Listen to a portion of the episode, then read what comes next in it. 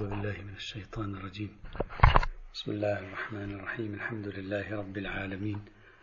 والصلاة والسلام على سيدنا ونبينا وحبيبنا محمد وعلى آله الطيبين الطاهرين. كان كلامنا في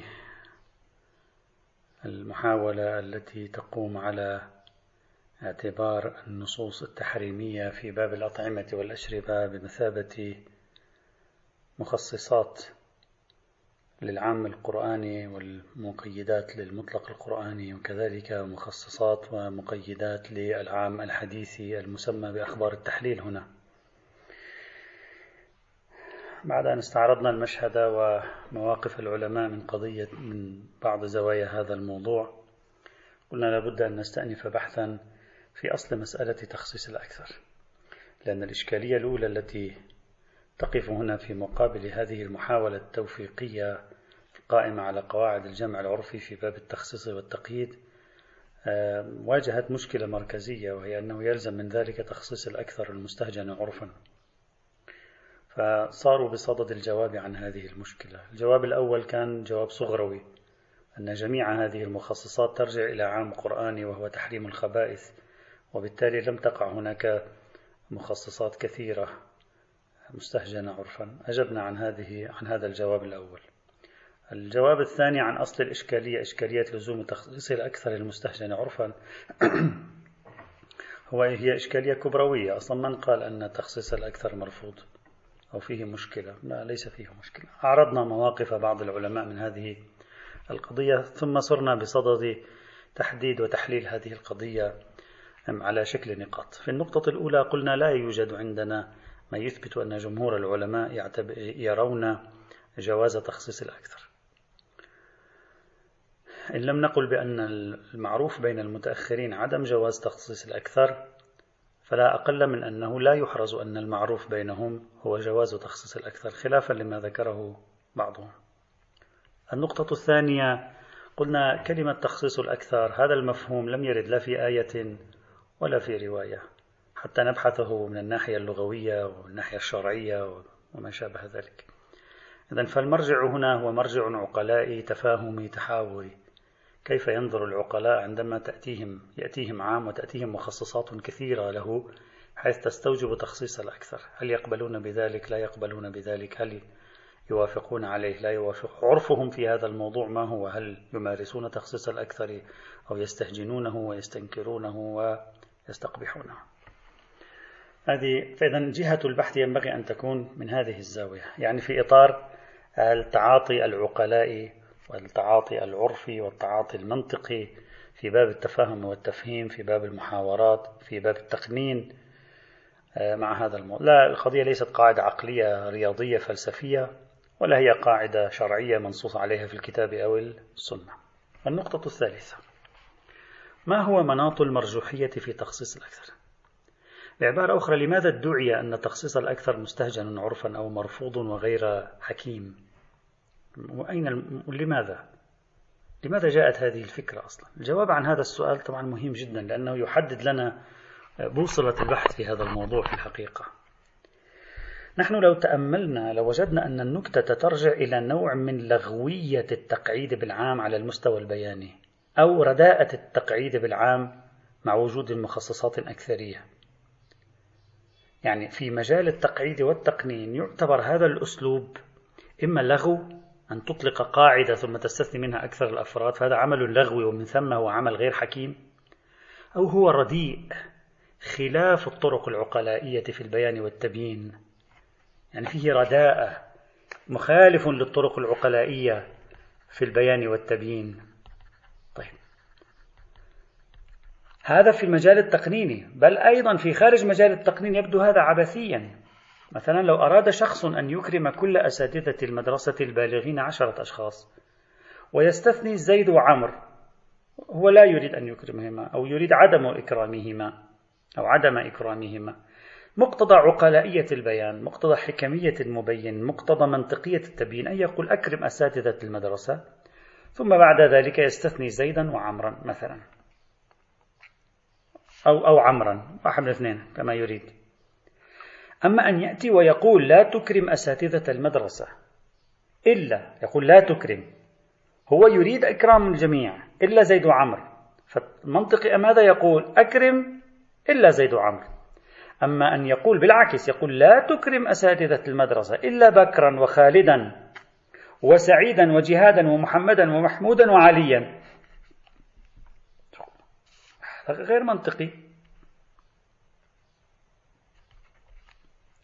يعني أنت تريد أن تكرم الثمانية وأن لا تكرم الاثنين. طبيعي تقول أكرم من في المدرسة إلا واحد اثنين. أما أن تقول لا تكرم أحدا في المدرسة إلا وتستثني الثمانية تقول إلا هؤلاء هؤلاء أكرمهم. فهذه الطريقة في البيان تعد خاطئة غير حكمية عرفا وعقلائيا مخالفة لطرائق العقلاء. فما دام الأغلب مندرجا تحت القاعدة فالأرجح في البيان العقلائي أن يسن العام على وفقه وليس العكس. هذا هو المنطق. هذا هو المنطق العقلائي في البيان والتبيين. لذلك لو اجى عاقل وبين بعكس ذلك لقيل له ما هذا التبيين. أو لو نقل عن عاقل ذلك لقيل هذه القصة فيها ما فيها. ما معقول؟ هذا هذا مش عاقل هذا. عاقل لا يقول ذلك. أشك في أنه قال ذلك. لاحظت كيف؟ إذا فمرجع القضية هنا هي حكمية المتكلم عقلائية المتكلم عدم لغويته على مستوى البيان أو على أو عدم مرجوحية طريقته في البيان. وهذا ما نجده في مختلف البيانات القانونية العقلائية إلى يومنا هذا. بعبارة أخرى إطلاق العام وإرادة الأقل من أفراده. إطلاق المطلق وإرادة الأقل من أفراده. لا يحوي تناسبا بين اللفظ والمعنى المراد. ليس هكذا الإنسان يعبر عن مراداته. ليس هكذا يتم التعبير عن المراد؟ هذه نقطة مهمة. طيب ليس هكذا يتم التعبير عن المراد. وهذا هو معنى الاستهجان العرفي أو الاستقباح العرفي. ليس هناك قبح عقلي أو استحالة عقلية كما قلنا. عندما نجيز تخصيص الأكثر مطلقا نحن ندعي أن الحكيم سبحانه قد استخدم طريقة غير عرفية غير عقلائية غير حكمية دون أن يشرح ذلك أو يقعد ويبرر. من هنا يتضاءل عندنا احتمال أن المشرع الديني استخدم هذا الأسلوب يعني تخصيص الأكثر. ويصبح هذا غير ظاهر من اللفظ تنتابنا هنا حينئذ الشكوك. بتعبير بعضهم يعني على طرائقهم في التعبير يعني يقولون استعمال العام في الأقل من أفراده. هذا ليس صحيح لأن الأقل ليس هو المهم حتى يصح التجوز. أنت تستعمل العام في الأقل الأقل هو الأقل أهمية. فكيف يستعمل لفظ موضوع للكل في الأندر أو في الأقل مع أن الأقل ليس هو الأهم؟ طبعا عندما نقول هذا الكلام نقصد الأفراد الأعم من الفعلية والفرضية لأن الأحكام مسوقة نحو القضية الحقيقية وهذا واضح. وأشار إليه أيضا بعضهم مثل المحقق العراقي. طيب.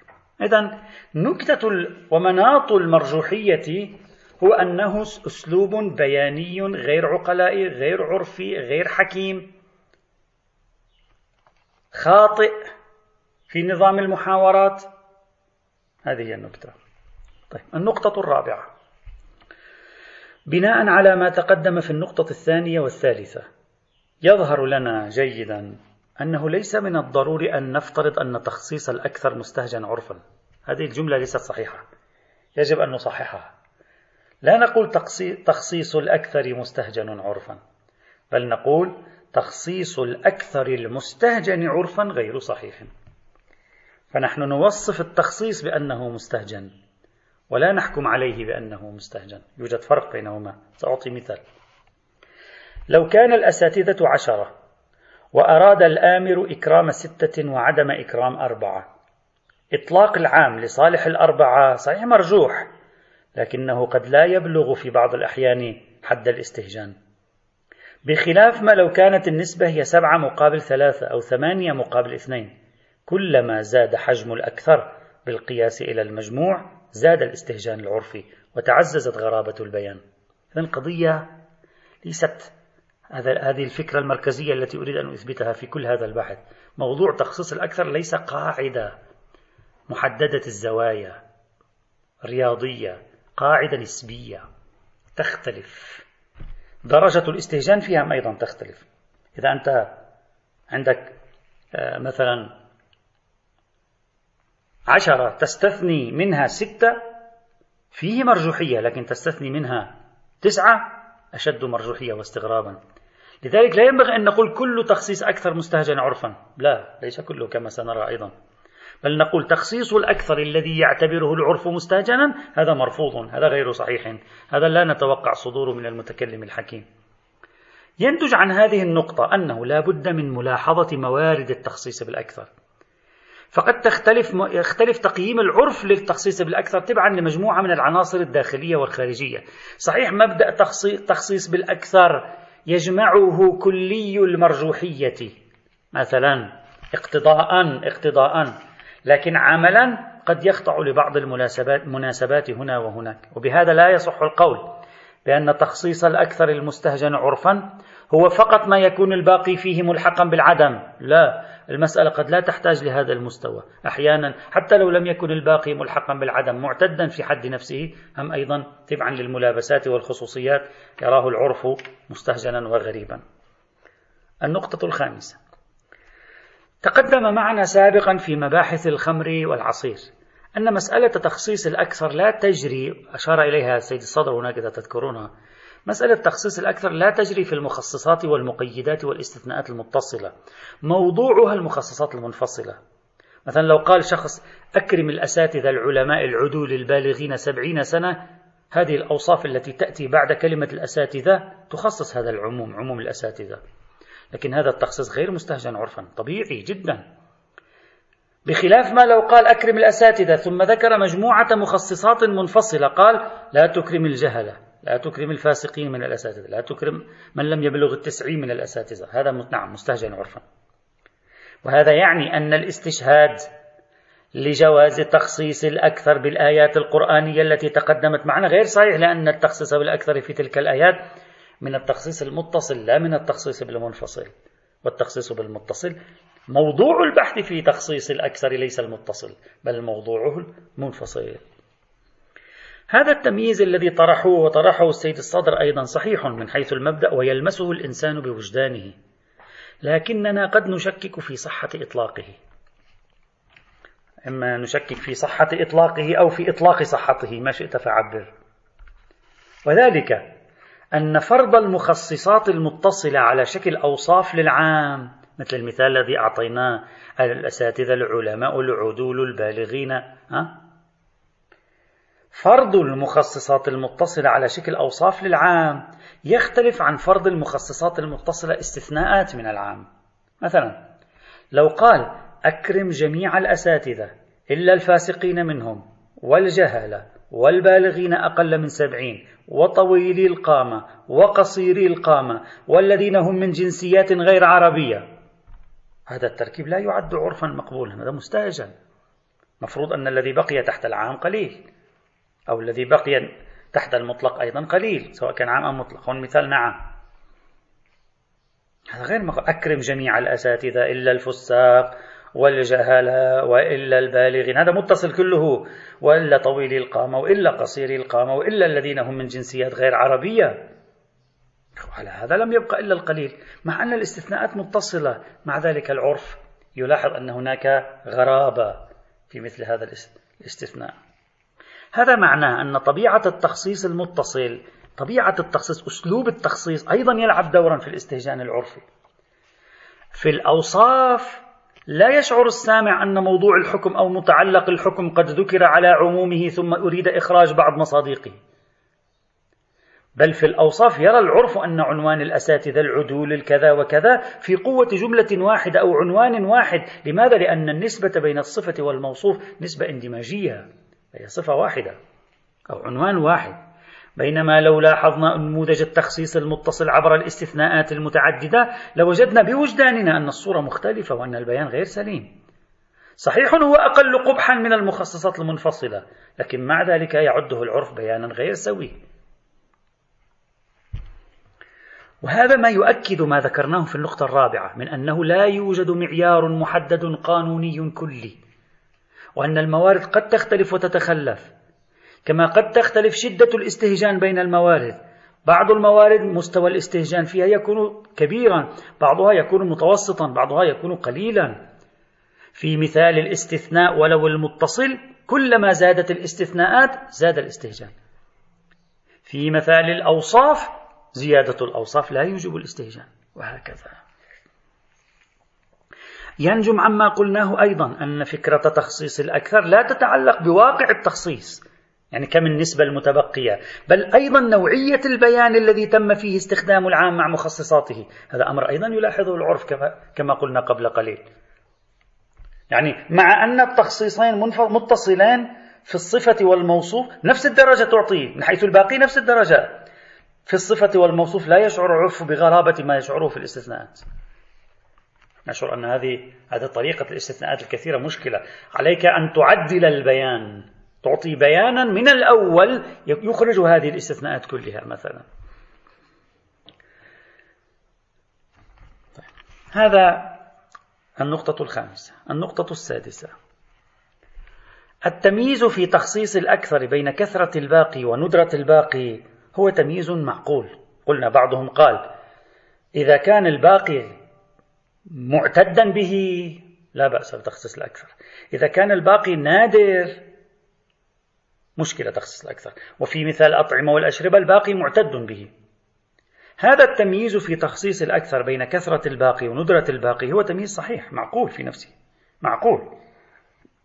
ويؤكد ما ذهبنا إليه من أن الظاهرة هنا ظاهرة نسبية في الحكم على هذه الاستخدامات البيانية والقانونية. بمعنى كلما زادت المخصصات في إخراج ما تحت العام زاد الاستهجان. فدرجة الاستهجان تختلف تبعا لدرجة الإخراج من تحت العام.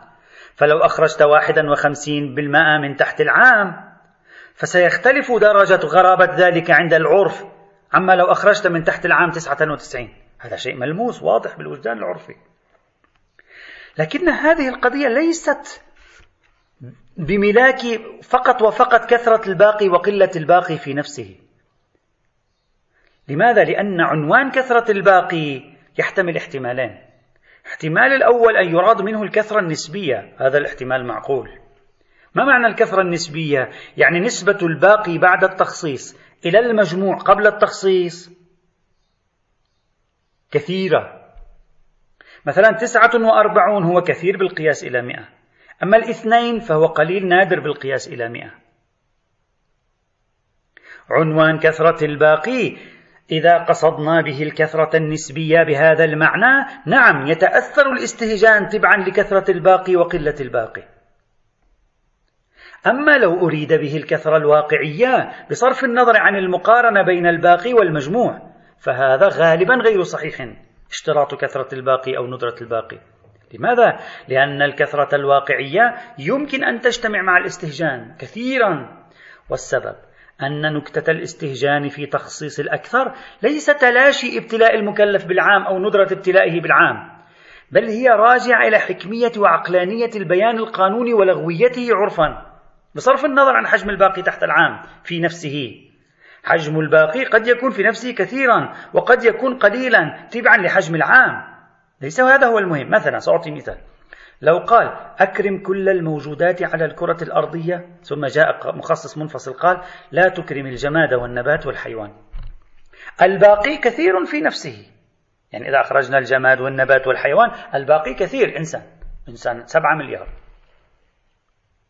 العام هنا لماذا كان الباقي كثيرا في نفسه؟ لأن العام في الأصل هو أكرم كل الموجودات على الأرض لأن العام في نفسه كان هائل الكثرة.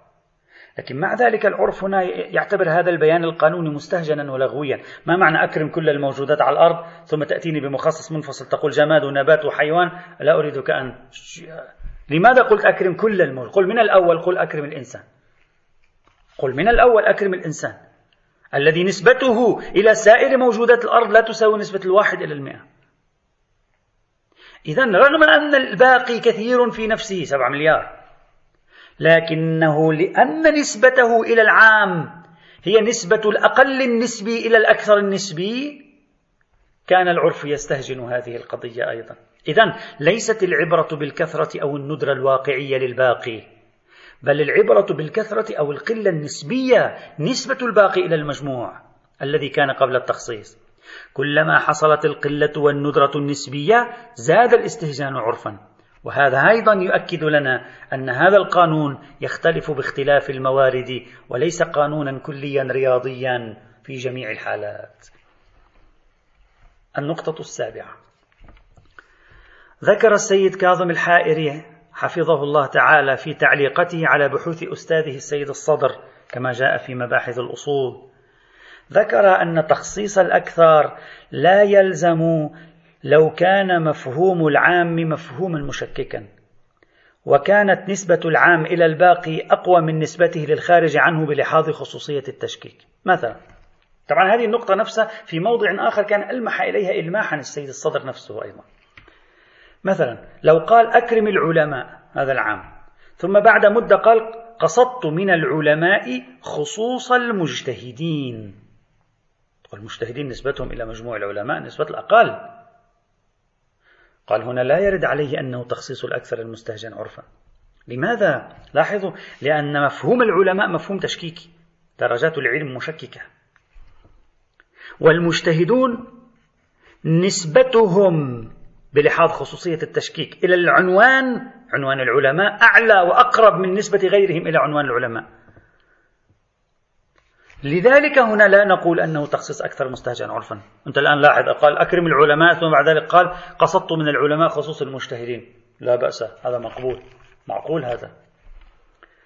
طبعا هذه الإثارة الفكرية التي يقدمها السيد الحائري هي أولا تؤكد المبدأ الذي قلناه. مبدأ تدوير الزوايا قانون تخصيص الأكثر. ما في عندنا قاعدة رياضية دائما كلما كان هناك أكثر دائما في استهجان. لا.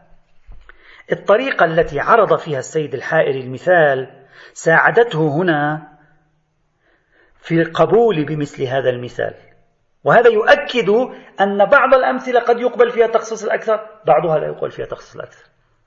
هذا الذي ندعيه نحن. ما عندنا شيء اسمه تخصيص الأكثر مستهجن عرفا ونقطة على السطر. وما عندنا شيء تخصيص الأكثر ليس, ليس قبيحا ونقطة على السطر. لا القضية متداخلة تتبع سلسلة من العناصر. أحد العناصر الحيثية التفسيرية التي ذكرها السيد الحائري في المثال. ما الذي ساعد السيد الحائري على الاستدلال على هذه الفكرة؟ ساعده المثال. لو غيرنا التركيب نفس الفكرة غيرنا فيها التركيب والصياغة لتغيرت النتيجة. الطريقة التي عرض فيها السيد الحائر المثال هي التي ساعدته بعض الشيء. لو غيرنا التركيب لتغيرت النتائج. مثلا لو حذفنا الحيثية التفسيرية في البيان المخصص ما هو البيان المخصص؟ قصدت من العلماء خصوص المجتهدين. هذه الحيثية التفسيرية قصدت اللي هي فيها حيثية نظر قصدت هذه الحيثية التفسيرية ساعدت السيد هنا بعض الشيء. طيب خلينا نغير الحيثية التفسيرية نغير الأسلوب. لو قال أكرم العلماء ثم قال لا تكرم العلماء غير الأعلم في كل فن واختصاص. لا تكرم غير الأعلم في كل فن واختصاص. طيب.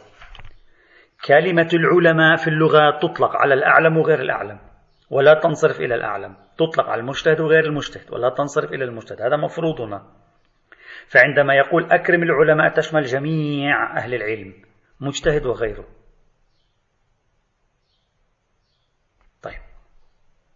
الآن إذا كانت كلمة لا تكرم غير الأعلم في كل فن واختصاص ليس فيها لسان تفسيري مش مثل كلمة قصدت من العلماء خصوص المجتهدين. هنا يلزم تخصيص الأكثر المستهجن عرفا. مع أن الأعلم نسبته إلى مفهوم العام أشد بلحاظ خاصية التشكيك. أنت ارجع للعرف. أكرم العلماء. بعد عشرة أيام قال لا تكرم غير الأعلم في كل فن واختصاص. عدد العلماء الذين وجب إكرامهم الآن بقوله أكرم العلماء. كم واحد صاروا؟ عشرين ثلاثين واحد. كل اختصاص في واحد أعلم مثلا. فأي بيان هذا؟ تقول أكرم العلماء ثم بعدين تقول لا تكرم غير الأعلم من العلماء في كل فن واختصاص. يعني في الفقه تكرم واحد وفي الأصول تكرم واحد وفي الكيمياء تكرم واحد وفي الفيزياء تكرم واحد. كم عددهم؟ كل اختصاصات العالم كم واحد؟ يطلع 100 200 واحد. بينما مجموع العلماء كم؟ 100 مليون 200 مليون واحد في العالم. مليار واحد مثلا. هذا غريب. ليس أسلوبا عرفيا هذا. يستهجنه العرف هذا الأسلوب. بخلاف ما لو قلت أكرم العلماء ثم بعد يوم قلت قصدت من العلماء خصوص المجتهدين. حيثية التفسير هذه تساعد على تخفيف وطأة الاستهجان العرفي. صحيح العرف يفهم أنه كلمة العلماء تسري لكن لما هو نظر إليها ثم قال أنا قصدت أولئك فإنني أراهم العلماء الحقيقيين بررها له العرف استطاع أن يهضمها. مثال آخر لو قال أكرم لاعبي كرة القدم كم واحد بيلعب كرة قدم في العالم؟ يجوز ما بين أندية وأندية محلية وصغيرة يمكن مئات الآلاف. ثم بعد ذلك قال لا تكرم اللاعب الذي لا يفوز فريقه بكأس العالم. كم واحد صار فيه الآن؟ هذا أيضا العرف يقول هذا غريب. مع أن الذي يفوز فريقه بكأس العالم يعطي إيحاء بأن الفريق قوي. يعني المفهوم اللاعب الكرة تشكيكي يعطيه أنه أكثر قدرة ولعبا ومهارة في هذا الفن. مع ذلك العرف لا يقبل. هذا كله إخواني الأعزاء يؤكد لنا أن العلماء والأصوليون سيعثرون كل يوم على مورد لا يقبح فيه التخصيص الأكثرين وفي كل يوم أيضا سيكتشفون موردا يقبح فيه التخصيص. وما ذلك إلا لأن هذا الاستهجان مسألة عرفية نسبية تتأثر بمجموعة عوامل مضمونية بيانية سياقية أسلوبية. ما شئت فعبر أيضا. نقطة الثامنة. ذكر السيد الشهيد محمد باقر الصدر أنه لا فرق في ممنوعية تخصيص الأكثر بين أن يكون التخصيص بعنوان واحد أو بأكثر من عنوان. العبرة بنتيجة التخصيص لا بعدد المخصصات. هذا الكلام أيضا صحيح. لا فرق. يعني مثلا من تقول؟ أكرم العلماء ثم تقول لا تكرم كذا لا تكرم كذا لا تكرم كذا لا تكرم كذا لا تكرم كذا. سواء كان عشرة مخصصات أو مخصص واحد. العبرة لا تقف فقط عند حدود عدد المخصصات بل إن نتيجة التخصيص مهمة أيضا. نتيجة التخصيص مهمة. نتيجة التخصيص مهمة. أيضا عدد المخصصات هم يؤخذ بعين الاعتبار. ما نلاحظه هنا على السيد الشهيد أنه ماذا قال؟ قال لا فرق في ممنوعية تخصيص الأكثر بين أن يكون التخصيص بعنوان واحد أو بأكثر من عنوان. أحيانا عدد المخصصات يلعب دورا في الاستغراب العرفي ويسارع إلى حصول الاستهجان بتخصيص الأكثر. مثلا يوجد فرق بين أن تقول أكرم عمال المناجم ثم بعد يومين تقول لا تكرم غير العراقيين من عمال المناجم. وهذا مستهجن لأن عدد العمال المناجم العراقيين قليل جدا. هذا واحد. مرة ثانية ماذا تقول؟ تقول أكرم عمال المناجم؟ ثم تقول لا تكرم غير اللبنانيين من عمال المناجم. ثم يقول لا تكرم يعني يقول إلا اللبنانيين. ثم بعد آه، شهر يقول إلا الجزائريين. ثم بعد شهر يقول إلا الكذا. ونستمر في التخصيص حتى لا يبقى تحت العام إلا العراقيين.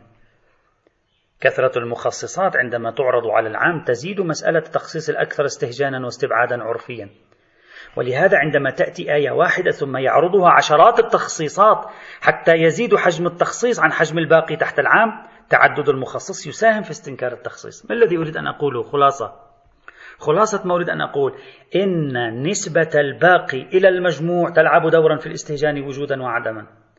إن تعدد عناوين المخصص تعدد المخصصات كثرة وقلة وحدة وتعددا أيضا يلعب دورا أحيانا في تسارع حيثية الاستهجان ومستوى الاستهجان أيضا.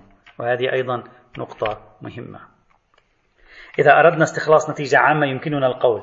استنكار التخصيص بالأكثر تارة يرجع إلى حجمه وأخرى يرجع إلى طريقة حصوله إثباتا. العنصر الجامع بينهما هو الشعور بأن إطلاق العام كان غير حكيم أو غير مراعى أبدا. النقطة التاسعة. ذكر غير واحد من الفقهاء والأصوليين شيخ الأنصاري وصاحب الكفاية وغيرهم أن تخصيص الأكثر المستهجن عرفا يراد به التخصيص العنواني دون التخصيص الأفرادي. شو يعني الفرق بين التخصيص العنواني والتخصيص الأفرادي؟ هذا مهم. بمعنى أنه قد يبقى تحت العام عناوين كثيرة لكن عدد أفرادها قليل. قالوا هنا لا يوجد تخصيص الأكثر بخلاف ما لو خرج من تحت العام عناوين كثيرة. خرج عناوين كثيرة. وكان الباقي عناوين قليلة لكنها من حيث الأفراد أكثر. شوف لاحظوا. عندنا عام. الإخراج منه يختلف.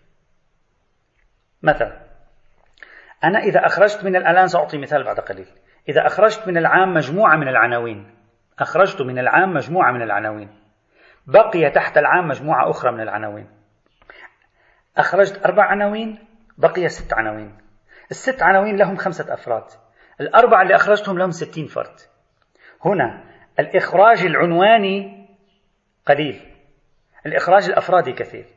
العبرة وين؟ الإخراج العنواني أو الإخراج الأفرادي. مثال لو قال أكرم العلماء ثم قال لا يجب إكرام فساق العلماء ولا ي... هذا أول مخصص.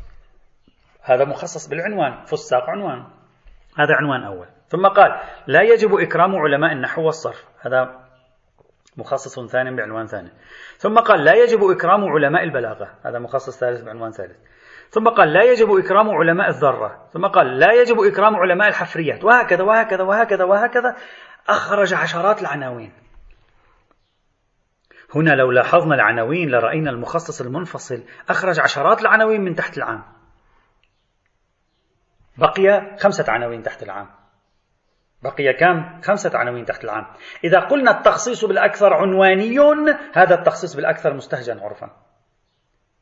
لكن ممكن أن هذه العشرات العناوين التي أخرجناها أصلا كم عدد علماء النحو في العالم؟ اثنين كم عدد علماء البلاغة؟ ثلاثة كم عدد علماء الذرة؟ واحد كم عدد علماء الحفريات؟ ستة كم, ع... كم هم عدد الفساق؟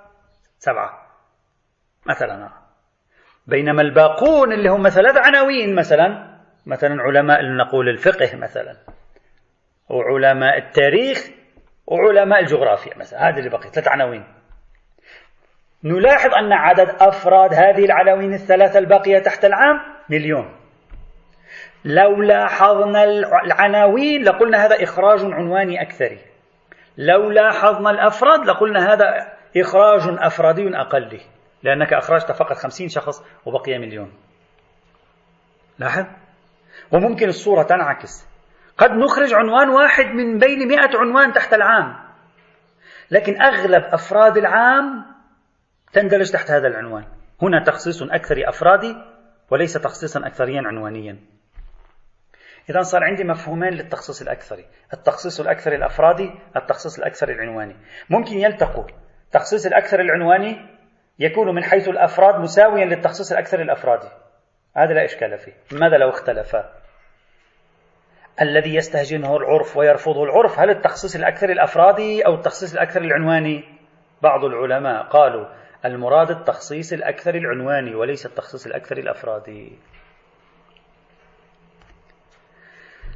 هنا إذا تأملنا فيما قالوه يعطينا عدم صحة إطلاق ما قالوه ما قالوه صحيح لكن ليس صحيحا على إطلاقه.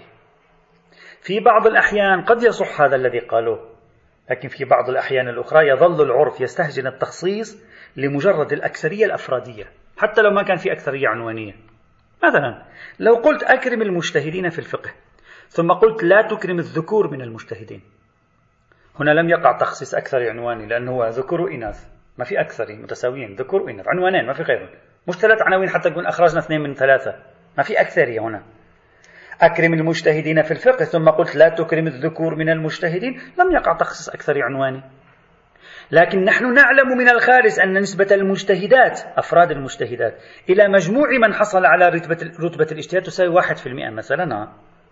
هنا العرف يقول هذا هذه أسلوب مستهجن في التبيين. ما كان ينبغي أن تقول لا تكرم الذكور من المجتهدين وأنت قائل أكرم المجتهدين في الفقه. كان ينبغي أن تقول لا تكرم المجتهدين في الفقه.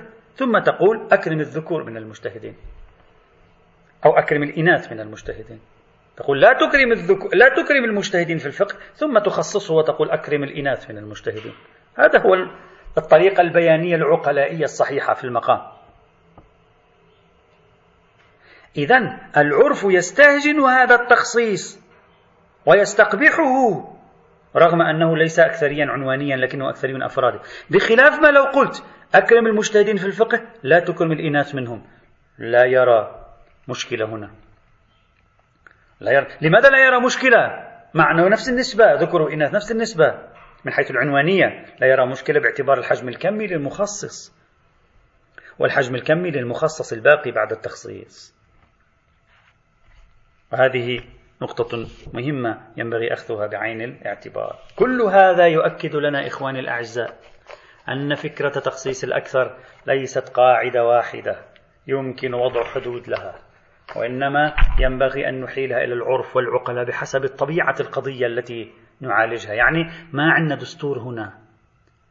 عندنا نظر القاضي في كل قضية ينظر في القضية فيرى كيف يتعامل العرف العقلائي والقوى الاحتمالية في هذا الموضوع كيف تتعامل مع مخصصات كثيرة أفرادية عنوانية نسبتها للعنوان الموجود في العام تشكيكي غير تشكيكي كل هذا مخصص متصل منفصل متعدد المتصل غير متعدد المتصل متعدد المنفصل غير متعدد المنفصل.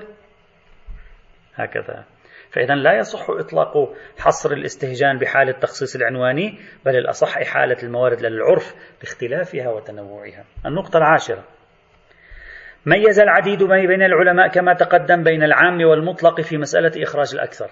قالوا المستهجن عرفا هو تخصيص العام وليس تقييد المطلق. طبعا سبب هذا عندهم فيما يبدو لي هو أنهم يعتبرون أن دلالة العام على العموم كما درسنا جميعا دلالة وضعية بينما المطلق في نفسه لا يدل سوى على الطبيعة. وإطلاق هذا المطلق لا يأتي إلا من مقدمات الحكمة بعد عدم ذكر القيد. فعندما يذكر القيد ولو منفصلا فيكون ذكره مثلا مقدما على إطلاق المطلق ومعدما لموضوعه مثلا. لا أنه يوجب تغييرا في الدلالة الوضعية. آه، ولو معدم حقيقي أو معدم يعني ليس حقيقيا. هنا لعل أقول لعل الذي يدفع بعضهم إلى هذا التمييز أنهم يتصورون أن ظهور العام في العموم بنحو الحقيقة بينما ظهور المطلق في الإطلاق ليس بنحو الحقيقة لأنه ليس موضوعا للإطلاق. فالعام إذا أردت أن تخرج منه أكثر الأفراد صار استعمال العام مجازا في الأقل وهذا خلف قواعد المجاز ليس من مناسبات المجاز هذا. ليس له تبرير لغوي. لا أريد أن أفصل هنا في قضية العام والمطلق لكن أريد أن أعيد مرة أخرى إلى طريقتنا المعهودة في بحث مباحث الألفاظ وهو أن نرجع إلى العرف. بعد التسليم بأن العرف يفهم من المطلق تمام الأفراد والأحوال ولو بقرينة مقدمات الحكمة. خذ معي هذا المثال العرفي.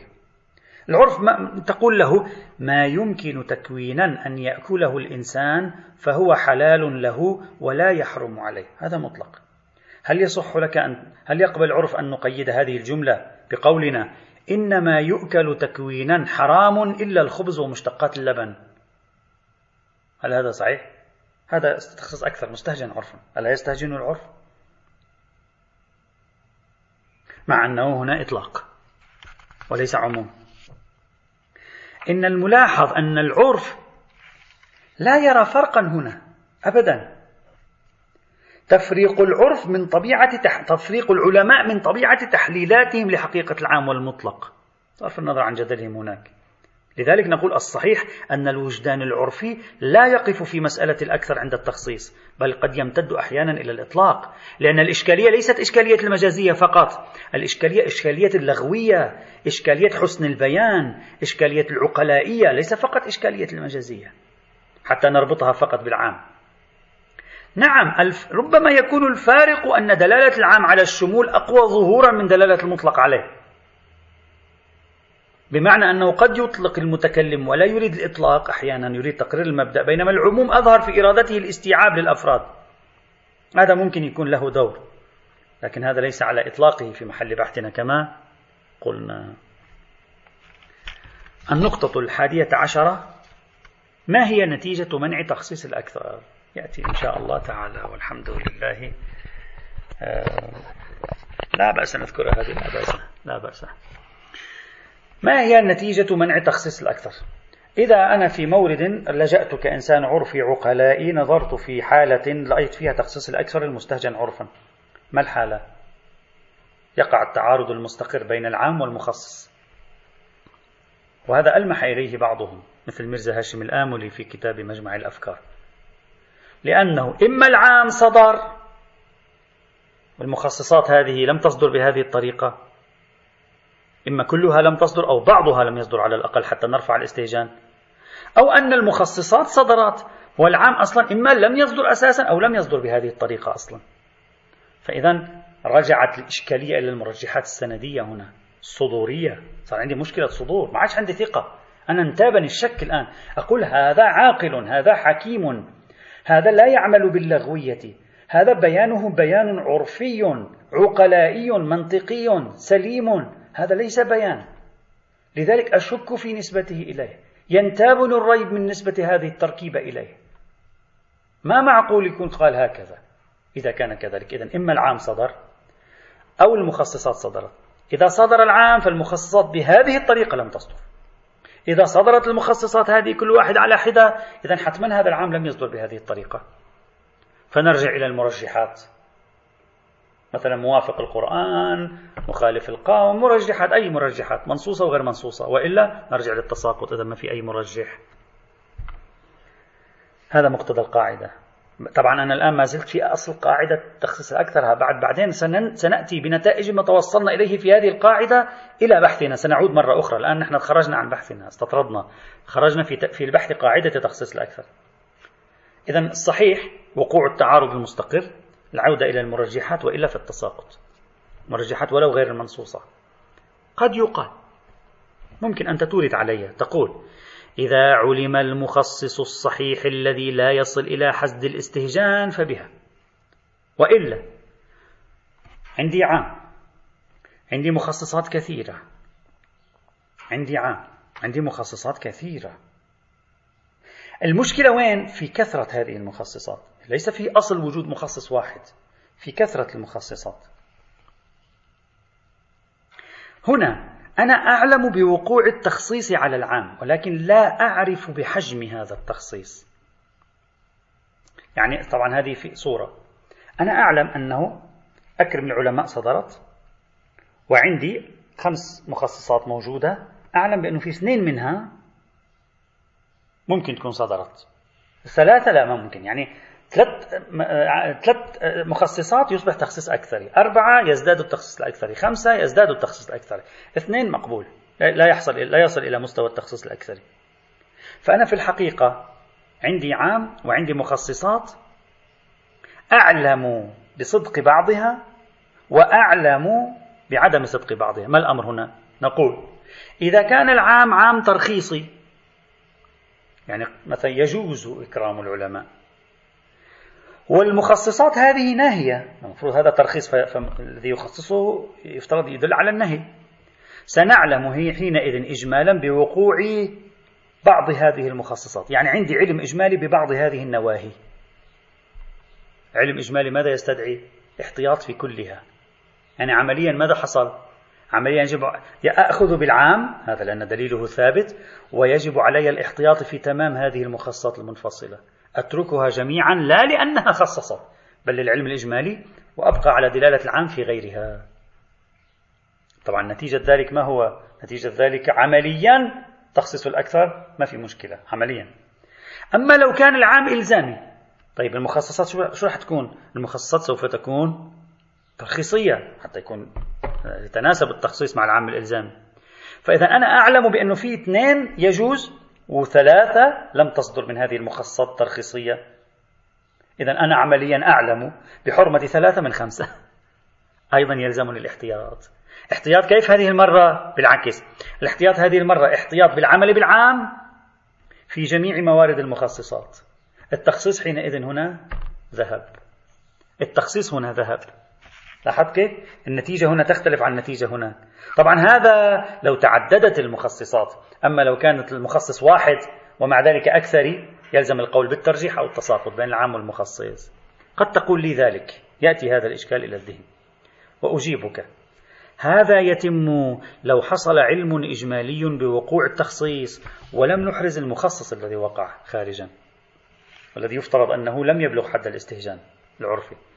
أما لو لم يكن هناك علم إجمالي.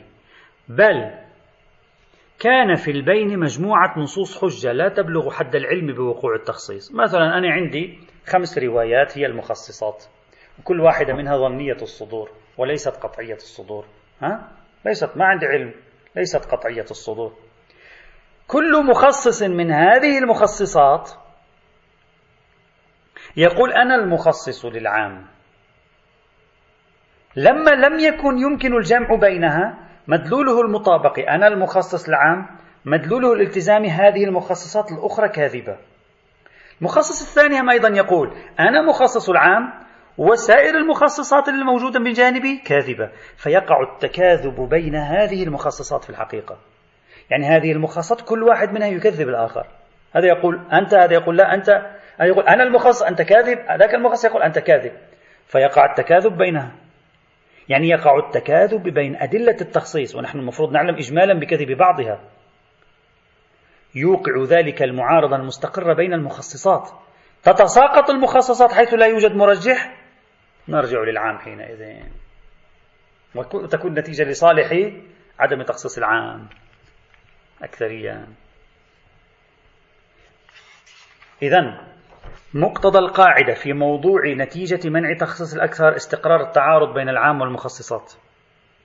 مقتضى استقرار التعارض العودة إلى المرجحات بينهما وإلا فالتساقط قد تقول لي إذا علم المخصص قد تقول لي يوجد علم إجمالي بصدور هذه أحد هذه المخصصات. فإذا كان العام ترخيصيا فيوجد علم إجمالي بالتحريم بين الخمسة. ما يقتضي الاحتياط. وإذا كان العام إلزاميا فيوجد علم فيوجد عندي فيلزمني الاحتياط في هذه الخمسة. وهذا ما يبطل التخصيص. أقول هذا الكلام صحيح. لو كان عندي علم إجمالي بصدور واحد من هذه المخصصات على الأقل. أما لو لم يكن عندي علم إجمالي بصدور واحد منها يقع التعارض بينها. كل واحدة تقول أنا المخصص والثاني كاذب صدر كذبا لأن المفروض أنهما لا يمكن أن يكونا قد صدرا معا أو تكون قد صدرت هذه المخصصات كلها معا. يقع التكاذب فيما بينها. إما نرجح فيما بينها إن أمكن الترجيح وإلا في مثل هذه الحال تتساقط فيرجع إلى العام بلا معارض. يأتي الباقي إن شاء الله تعالى والحمد لله رب العالمين.